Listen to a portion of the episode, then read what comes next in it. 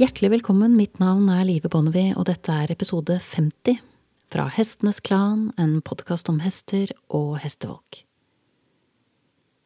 Episode 50 kjennes ut som en slags jubileumsepisode, og den opprinnelige planen min for denne episoden var å sammenfatte og oppsummere status, og kanskje si noen få og velvalgte ord om noe banebrytende jeg nettopp har erfart i forhold til min egen hest de siste par ukene. Men så åpnet det seg en mulighet for et oppfølgingsintervju med forrige ukes gjest, dr. Andrew McLean, og det klarte jeg ikke å motstå.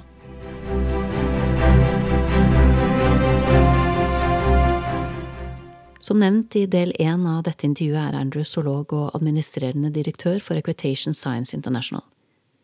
I forrige uke snakket vi om hvordan hesten tenker og lærer. I dagens episode skal vi snakke om dominans og underkastelse, som i korte trekk er en måte å tenke på i forhold til hester som jeg aldri har klart å få til å stemme. Og dermed tenker jeg at dette er et tema som er verdig en jubileumsepisode nummer 50, fra en podkast som denne måneden også rundet 55 000 nedlastinger. Mitt første spørsmål til Andrew var om han kunne si litt om hvor teorien om dominans og underkastelse kommer fra, men det jeg virkelig brant etter å spørre ham om, var hvordan det kan ha seg at så mange fortsatt mener at det å dominere en hest og kreve underkastelse er veien å gå. Men la meg ikke foregripe. Det kan ofte være klokt å nøste opp historier fra begynnelsen. Det første navnet Andrew trekker fram, er den østerrikske zoologen og ornitologen Konrad Lorenz, som hadde sin glanstid på midten av forrige århundre. Han spilte en nøkkelrolle i utviklingen av klassisk sammenlignende etologi, og han regnes ofte som en av grunnleggerne av moderne etologi. Lorentz mente at mye av atferden hos dyr hadde et genetisk grunnlag, og argumenterte dermed mot samtidens forestilling om at dyrs atferd hovedsakelig var innlært. Han var også den første som brukte ordet mobbing for å beskrive atferden sosiale dyr i fellesskap viser når de støter individer med avvikende atferd ut av flokken. Andrew trekker også fram den norske zoologen Torleif Schjelderup Ebbe, som er internasjonalt anerkjent som opphavsmannen til begrepet hakkeorden, som han beskrev i en doktorgrad fra 1921 som het Gallus domesticus in seinem taglichen leben, som på norsk ville blitt kalt domestiserte høner i deres daglige liv. Dette er av mange fremdeles regnet som den hyppigst siterte norske vitenskapelige publikasjonen noensinne. Det Schjelderup Ebbe oppdaget, var at det finnes et lineært hierarki kyllinger imellom, som avgjorde hvem som fikk tilgang til ressurser men han trakk sine konklusjoner på bakgrunn av studier av kyllinger i et miljø der tilgangen på ressurser var begrenset, ikke i form av at ikke de fikk nok mat og drikke, men i form av at de i sitt kunstige levemiljø hadde begrenset tilgang til et naturlig mangfold av ulike ressurser. I det fri vil du nemlig aldri finne ett individ som er dominant i forhold til samtlige ressurser. Der vil det nødvendigvis måtte fordele seg. Et individ kan også være dominant i forhold til én ressurs, men samtidig måtte bøye av for andre individer i forhold til andre ressurser. Schjelderup Ebbe fikk heller ikke muligheten til å observere hva som skjer når tilgangen til en ressurs er preget av overflod, så behovet for dominans over den aktuelle ressursen i praksis faller bort. Men det har heldigvis fulgt folk etter ham som har viet livene sine til å forske på nettopp dette. Andrew snakket også om David Meek, som i en mannsalder har forsket på ulvene på Isle Royal, den største øya i Lake Superior i Michigan, USA. Nasjonalparken på øya ble etablert i 1940, og har siden vært gjenstand for omfattende studier av elg og ulv, og ikke minst forholdet mellom rovdyr og byttedyr. Utfordringen er at ulvene som ble tatt inn i nasjonalparken, ikke egentlig lever slik ulver og hester normalt lever, nemlig i godt etablerte, stabile familiegrupper. Der er dynamikken annerledes. Der finner man ingen individer som er dominante for én ressurs mer enn 70% av tiden. Og ressursene blir mer likelig fordelt, naturlig nok. Hester og ulver har like stort utbytte av å dele ressursene med sine familiemedlemmer og avkom som vi har. Som flokkdyr har det som kjent begrenset verdi å overleve alene. Men på den tiden, da teoriene om dominans og underkastelse og tanken om lineære hierarkier ble fremmed, så var dette tankegodset ganske appellerende. Særlig hvis du var en konservativ hvit mann. Det var ikke like appellerende hvis du var svart av hudfarge eller tilfeldigvis født som kvinne. Og i det faktiske intervjuet jeg har med Andrew som blir publisert på min engelske søsterpodkast mandag 3. mai, så har Andrew et svært interessant perspektiv på arbeidet til Watson og Skinner, og hvorfor det i praksis ble lagt lokk på teoriene om blant annet operant betinging i flere tiår.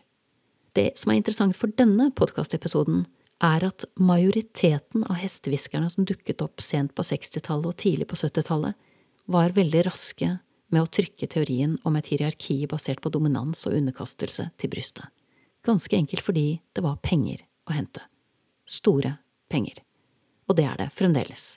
Omkvedet var gjerne at hestehviskerne selv hadde lagt ned mye tid på å observere ville hester, og at de baserte sine metoder og systemer på det de hadde sett men etologene som faktisk lå i telt i månedsvis og årevis, observerte halvville hester og andre dyr fra ulike habitater, så noe annet. Dominans er absolutt i spill hos hestene på Assetigi Island i USA, hos New Forest-ponnen i England, hos Kaimanawa-hestene i New Zealand og hos brumbiene i Australia. Men da inngår den som en bit i noe større, noe som er mer nyansert. Selve nøkkelen til å forstå dyrs atferd forutsetter faktisk at vi legger forestillingen om et fastlåst hierarki til side, til fordel for det vi kaller bilateral dominans. Der kan man se at hest A dominerer hest B for en gitt ressurs, mens hest B dominerer hest C for samme ressurs, så kan faktisk, og nå må du holde på hatten, så kan faktisk hest C dominere hest A igjen. Så det er rett og slett bare mer komplekst enn vi tidligere antok. Men komplekst selger ikke. Det har det aldri gjort. Hestehviskerne gikk først for hingsten, sikkert fordi det falt dem naturlig å tenke at selvsagt har flokken en dominant, maskulin leder. Så fulgte myten om lederhoppa, men sannheten er at det er mer flytende enn det. Problemet er at flytende heller ikke selger, og ikke er det mulig å putte det inn i et enkelt system heller. Så New Age-hestehviskerne holdt ikke bare fast ved den gråt feilaktige påstanden om at dominans og underkastelse er språket hestene mellom. De mente også at dette språket er overførbart til relasjonen mellom hest og menneske. Innsalget den gangen som nå er at alt du trenger å gjøre, er å være hestens sjef, så er alle problemer løst.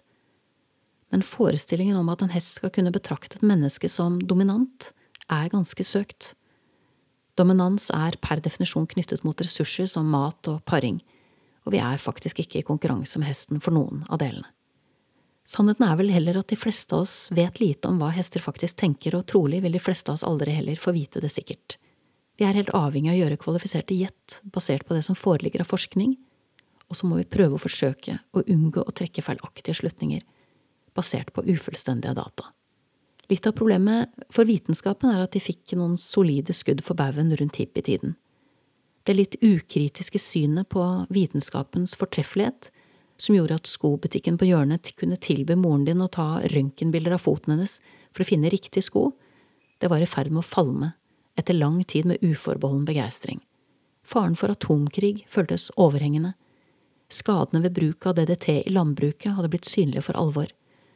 Og så dukket thalidomidskandalen opp, der et kvalmestillende preparat for gravide kvinner resulterte i alvorlig fosterskade og død, for å nevne noe. Vitenskapen satt til side er det dessverre også slik at konseptet du er sjefen faller hos mennesker naturlig. Det virker enkelt og oversiktlig, alt er enten svart eller hvitt, det er ingen nyanser av grått. Men det er viktig å være klar over at vold avler vold.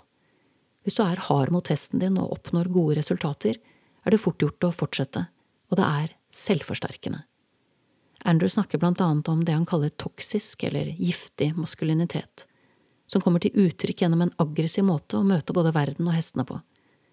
En måte som ved første øyekast ser ut til å løse enkelte problemer, men på sikt skaper flere nye, og verken er egnet til å bringe verden eller din relasjon med hesten din fremover. Og det hjelper heller ikke at mange bruker systemer med ferdig definerte personlighetstyper hos hester, eller at vi tillegger hestene våre egenskaper som passer med det vi ser, der vi kaller dem dumme, late eller utspekulerte. Ei heller hjelper det at vi bruker ord som at hesten invaderer eller trenger seg inn i vårt personlige rom. En ting er at vi antyder at atferden fra hestens side er overlagt. En annen ting er at vi bruker negativt ladete ord som gir assosiasjoner til kamp og konflikt. En annen utfordring er at det ofte er vi selv som har plassert hesten i dette personlige rommet. For noen ganger inviterer vi jo hesten aktivt inn, mens vi andre ganger ikke finner oss i at den er der og straffer den for det. Hvordan har vi egentlig tenkt at hesten skal kunne vite hvilke regler som gjelder til enhver tid? Andrew kommer selv fra denne skolen, skolen som sier at det er mennesket som er sjefen. Så fikk han en åpenbaring. Han underviste en ung jente på en utendørs ridebane som hadde en utfordring med hesten sin, og Andrews løsning var at hun måtte sette hesten på plass og vise hvem som var sjef. Faren til jenta satt og fulgte undervisningen gjennom et åpent bilvindu, og da økten var ferdig, tok han kontakt med Andrew, han lurte på hvorfor datteren hans skulle lære å være hestens sjef. Andrew svarte at hesten hennes tydelig forsøkte å dominere henne, blant annet ved å gå rett inn i henne når hun leide den. Faren spurte om det ikke kunne være en mulighet at hesten rett og slett ikke hadde lært å bli leid ordentlig, og at det ikke hadde noe som helst med dominans å gjøre. Andrew ble helt satt ut, for tanken hadde aldri slått ham. Det endte med en fordypning i læringsteori i tillegg til den pågående doktorgraden. Han lærte å bli nysgjerrig på hva slags atferd hesten har før problemet man vil til livs dukker opp. Hvis hesten biter, for eksempel, så omtalte Andrew dette som enden av en lang kjede. En kjede jeg tenker består av ting som risting på hodet, ører som ligger bakover, vifting med halen, snøfting eller andre dempende signaler som verken blir sett eller hørt. Det som er gåtefullt for meg, er hvorfor det sitter så langt inne hos oss å endre kurs. Det er selvfølgelig ingen tvil om at det krever mer av oss å forstå hesten og legge opp håndtering og trening etter det enn å administrere to tette og en badehette, men så gir det også betydelig mye mer å bygge en relasjon basert på respekt og forståelse. Som Per Våle snakker om i episode fem og seks, der han beskriver det å klatre opp på en fjelltopp og endelig få en pause og kunne nyte utsikten og så dukker det søren meg opp noen som peker på en enda høyere fjelltopp, der man vil kunne se enda lenger og enda klarere. Men for å komme opp på den fjelltoppen, så må man ikke bare gi seg i kast med nok et nytt og til og med høyere fjell, man må også være villig til å klatre ned fra det første. Hvor fristende er det? Det som er viktig å tenke på, er at verken endring eller vekst kommer gratis. Det blir veldig mye jobb. For mye jobb, har en del ryttere jeg har møtt konkludert med. De har brukt masse tid og krefter og gjort store investeringer for å klatre opp på det første fjellet. Utsikten er god, de føler seg på høyden, bokstavelig talt, det får holde. Hvem gidder egentlig å starte på nytt, hvis det er mulig å la være og hvis man har noe som fungerer passe?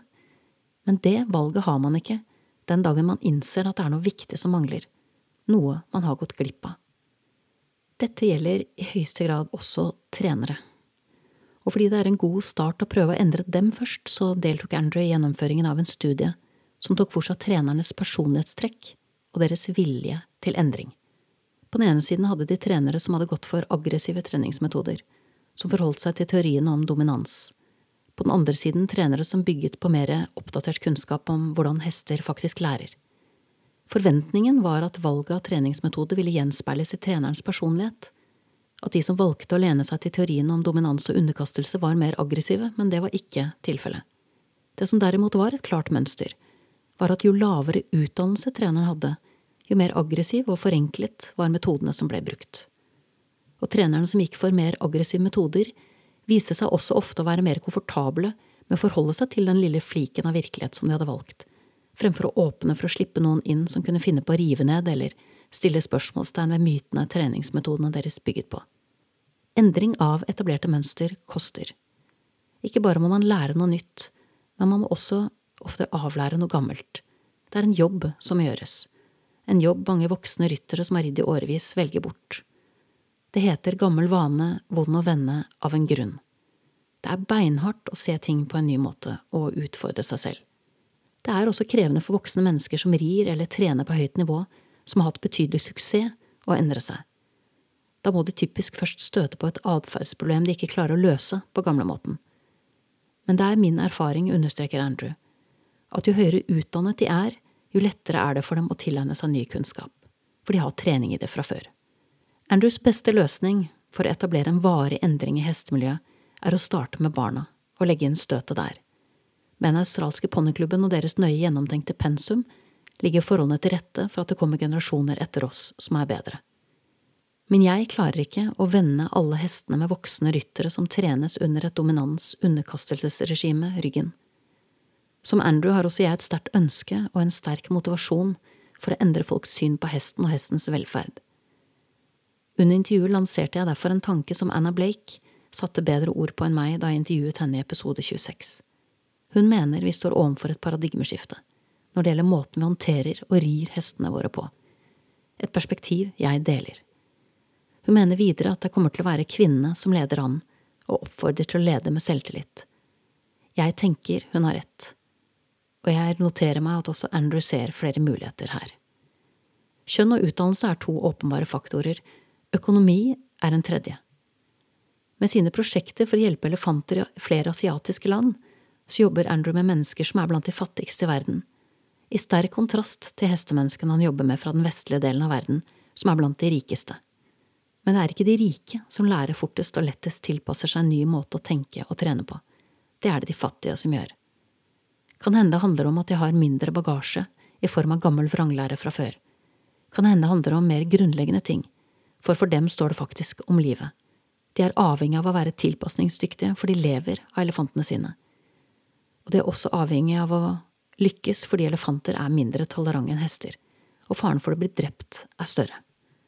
Andrew trekker også fram en annen utfordring som er veldig gjenkjennelig og grunnleggende menneskelig, og det er at vi fort kan bli sittende fast i den kulturen vi er en del av, at det er lett å tilbringe litt for mye tid i selvforsterkende ekkokamre, der man gradvis blir mer og mer blind. Det er et mønster vi kan se på mange områder i samfunnet, og resultatet er ofte dessverre en form for moralsk avslåtthet. Vi har lett for å slå oss til ro med at hesten har alt den trenger. Har den ikke det? Den står i en ren stall, den blir stelt, den får riktig sammensatt mat, den får rent vann, og den får mosjon. Men er det tilstrekkelig til å sikre hesten god velferd? Jeg så for en tid tilbake, ca et år siden, tror jeg, en ganske betenkelig dokumentar, der de blant annet intervjuet en amerikaner som holdt bjørner og store kattedyr i bur hjemme på gården sin. Han ble på et tidspunkt i intervjuet utfordret på om ville dyr har det bedre i det fri, men det var han helt uenig i. Han argumenterte sterkt for at han tilbød dyrene et trygt liv, med tak over hodet, der de slapp å lete etter mat og slapp å slåss for å overleve, og han mente det veide tyngre enn et liv i frihet. Men hvor mange mennesker ved sine fulle fem finner vi som synes det er bedre å sitte i fengsel enn å leve et liv utenfor murene? Dypest sett handler det om å beholde sin nysgjerrighet, sier Andrew, å være nysgjerrig på hesten, og hva som skal til for å sørge for at den har det bra. At den har det bra for å sikre at du kan ha glede av den gjennom bruk, er ikke bra nok. Å være fri for smerte og sult videre er ikke nok. Det ble i Norge i 2009 nedfelt i lovverket at dyr har egenverdi, uavhengig av den nytteverdien de måtte ha for mennesker. Og det forplikter. Det er her jeg og Andrew avslutter intervjuet, med at han understreker at han er takknemlig for at han er med på den reisen vi tar i vår samtid, der det skjer store endringer de skjer ikke fort, men vi beveger oss sakte, men sikkert i retningen av en bedre forståelse av hestens velferd, og når vi vet bedre, så gjør vi bedre. Det er også viktig i denne prosessen at vi har samtaler i åpne forum, og det er viktig at vi tar inn over oss at måten vi holder og trener hester på i dag, bygger på en tradisjon som strekker seg flere tusen år tilbake i tid. Mye er bra, men ikke alt vi har plukket med oss er verdt å ta med seg videre. Det den vitenskapelige inngangen til bedre velferd og riktigere håndtering av trening av hester tilbyr, er en linse å betrakte hesten gjennom, en linse som er sterkt farget av hva en hest er, hvordan den lærer, og hvilke behov vi vet den har, og først når vi ser hesten klart gjennom linser som dette, vil vi være i stand til å vite hva som fungerer, og hva som ikke fungerer i det lange løp. Mitt store spørsmål som Andrew ikke kan besvare, er selvfølgelig om vi har fått på plass en god nok plan til å sikre neste generasjon av ryttere Norge en mer solid plattform av kunnskap å stå på enn den min generasjon fikk. Og ikke minst lurer jeg på hva som skal til for å få flere voksne, godt etablerte ryttere til å se en gang til og bli mer nysgjerrig på den hesten de er i ferd med å sale opp. Du har nettopp hørt episode 50 og del 2 av intervjuet med dr. Andrew McLean. Det originale intervjuet blir publisert på min engelske søsterpodkast Clan of the Horses mandag 3. mai. Før vi kommer så langt, anbefaler jeg deg sterkt å høre del én av intervjuet på samme kanal hvis du ikke alt har gjort det, eller ty til den norske oppsummeringen hvis du syns det er tungt å lytte til engelske podkaster. Du finner ellers link til flere forelesninger med Andrew, informasjon om hans prosjekt for å sikre elefanter velferd i Asia på min hjemmeside www.hestenesklan.no. Da gjenstår det bare for meg å takke min faste komponist Fredrik Blom, min begavede gjest, dr. Andrew Maclean, og sist, men ikke minst vil jeg takke deg, kjære lytter, for tålmodigheten. Måtte hesten for alltid være med deg.